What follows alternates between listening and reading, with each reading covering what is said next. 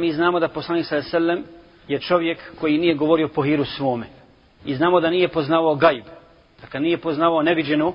Što se tiče poznavanja gajba, Allah subhanahu wa ta'ala kaže Jes'aluke nasu ani sa'a Pitaju te ljudi o sudnjem danu. Pa kaže Kul innama ilmuha inda Allah Reci, znanje o sudnjem danu je kod Allaha subhanahu wa ta'ala. Dakle, niko drugi ne zna gajb osim gospodar svjetova. I Džibril, alaihi salatu wasalam, je pitao Muhammeda sallallahu alaihi u poznatom hadisu od Omera radijallahu ta'ala an, pitao ga je o sudnjem danu. Kad će sudnji dan? Pa je rekao Muhammed sallallahu alaihi wa sallam mel mes'ulu anha bi a'lami anis sa'il. Upitani ne zna ništa više o tome od onoga koji ga pita.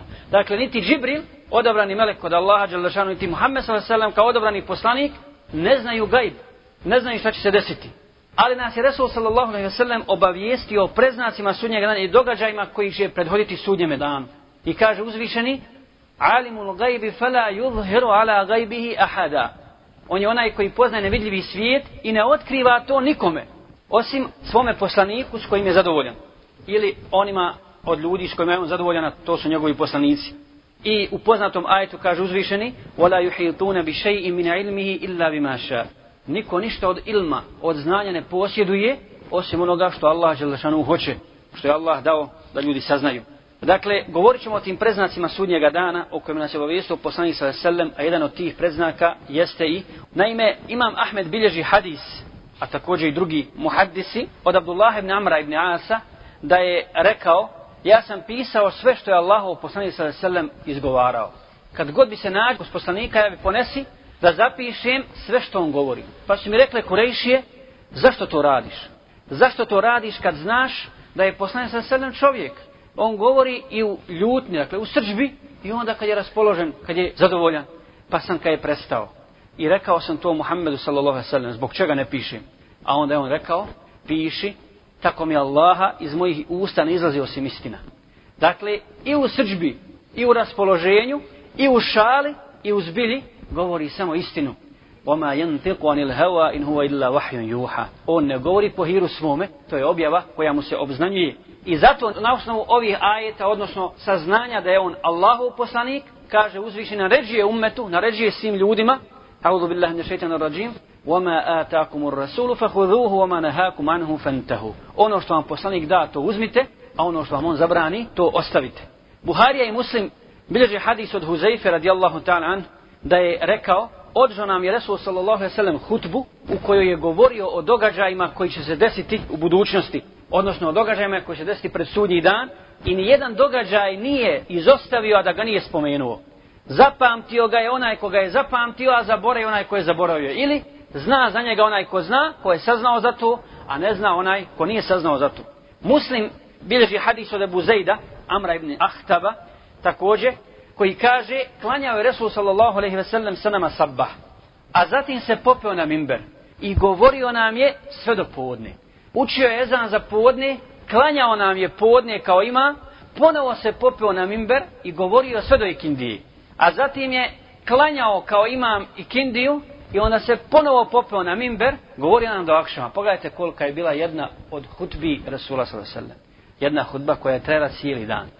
I kaže, podučio nas je onome što je bilo i što će biti i mi smo njegov govor naučili i zapamtili. U toj hutbi je govorio dakle o preznacima sudnjega dana. I nema ni jednog događaja koji se dogodio ili koji će se dogoditi, a da Muhammed sallallahu nije o tome obavijestio ummet, a prije svega svoje ashabe. Dakle, poslanik sallallahu nas je obavijestio, braćo, i o ovome stanju u kojem se danas nalaze muslimani. I o poniženjima koja će snaći muslimane. I o svim događanjima usponima i padovima ummeta. Pa znamo za hadis, sjetimo se onog hadisa u Sahihajnu također, kada je kod Buharije i muslima, od Ebu Hureyre, kada je poslanik sallallahu alaihi sallam rekao, slijedit ćete sunnete ili običaje onih koji su bili prije vas, pedalj po pedalj ili stopu po stopu, sve dotle kad bi oni ušli u gušterovu rupu i bi za njima, pa su upitali, ja Rasulallah, jesu to židovi kršćani, rekao, pa ko bi drugi bio? Dakle, da povežemo ono što je govorio poslanik sa selem, kako se to obistino, kako su nas muslimani krenuli stopama onih koji su bili prije njih, od židova i kršćana, a u jednoj predaji stoji, kada bi oni učinili zinalom sa svojom majkom i bi bi to učinili. Ili hadis, nama dobro poznat, koji bliže Ahmed je Budavud, od Saubana radijallahu ta'ala da je rekao Resul sallallahu alaihi sallam, Jušiku en tada alejkumul umamu, kama tada al akelatu ala saqatiha, Bojim se da se oko vas ili da se na vas ne okome narodi, kao što se gladni ljudi okupljaju oko sofre ili gladne zvijeri oko plijena, pa su rekli, kalu, evo min killetin nahnu, je umejdin ja Rasulallah, jeli Allahu poslaniče radi toga što će nas biti malo tada, pa kaže Allahu poslanik, kella, walakinnakum yawmaydin kathir walakin gutha'un ka gutha'i sejl. ne naprotiv vaš da biti puno ali ćete biti poput pjene koju nosi voda mala yushikanna Allahu an yanzi'al mahaba min kulubi aduvikum i Allah subhanahu wa ta'ala će iskorijeniti strah iz srca vaših neprijatelja, a u vaša srca će vala yugzifanna fi kulubikum al-wahn, a u vaša srca će ubaciti vahn. Omal vahnu ja Rasulallah, a šta je to vahn o Allahu poslaniće? Pa je rekao Allahu poslanik hubbu dunja wa karahiyatul maut. Ljubav prema dunjalu koji preziranje smrti. Dakle, braćo, obavješćenja se poslanik sallallahu alaihi ve sellem ovim crnim danima i iskušenjima koja će zadesiti muslimane, u koje će zapasti ummet, ali pobjeda Islama je, braćo, izvjesna. To je ono što želimo da večeras da naglasimo. Ovo nije lažna nada. Ovo nije neko lažno obećanje. Pobjeda Islama je izvjesna s više strana. I njegova dominacija je jasna. Prije svega zato što to Allah tako hoće. Zato što je Allah zadovoljan samo sa Islamom. Zato što je Allah odabrao vjeru Islam i nije zadovoljan da mu neko ibadet čini na drugi način osim onako kako nas je obavijestio poslanik Muhammed sallallahu alaihi ve sellem. I da se slijedi neko drugi osim Muhammeda sallallahu alaihi ve sellem. I kada bi ova iskušenja u kojima se mi nalazimo danas i koja su prošle prijošnje generacije bila još teža hiljadu puta pobjeda je islamu. Dakle, zato što je Allah subhanahu wa ta'ala tvorac svega i on je zadovoljan samo sa islamom i islam će sigurno pobjediti, to nema nikakve sumnje. I zato što Allah subhanahu wa ta'ala sa dva harfa, kako kažu islamski učenjaci, sa kafom i nunom, stvara i radi što hoće, stvara i rastvara, kaže samo za nešto kad hoće da se desi kun, faja kun, budi, budi i biva.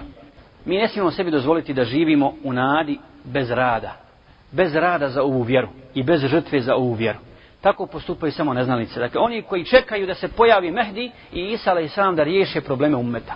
Sada kad bi se pojavili i oni uspostavili islamsku državu, kogod nije učestvovao u tome, on neće imati nagrade. To je jednostavna logika. A zato, prije svega, dakle, trebamo jačati svoj iman i osloniti se na Allaha Đelešanu. Zatim, mora svako od nas, bez obzira kakav posao radio, ne mora biti zvanično nekakav daija, učenjak islamski i tako dalje, mora učiti šerijat. Zašto, braćo? Zato što je neznanje izvor najveće smutnje i fitne.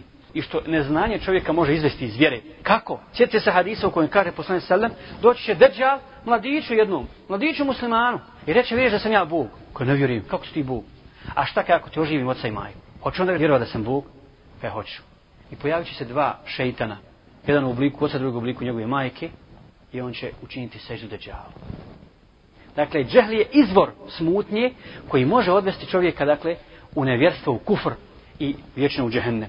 Zatim, priprema bogobojaznosti, priprema dobrih dijela i priprema za ahiret i stalni ičtihad, borba protiv svoga nefsa, protiv svoje duše, protiv strasti, sabur na svim mogućim iskušenjima, kroz ibadet, kroz dovu Allahu subhanahu wa ta'ala i rad za vjeru.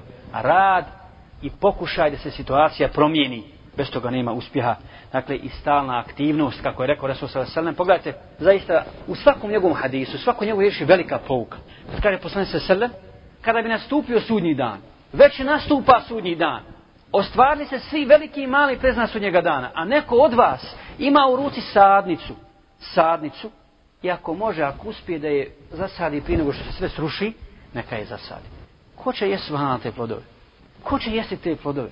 Ma nemoj pitati za to nego tvoje da radiš, makar nastupio sudnji dan.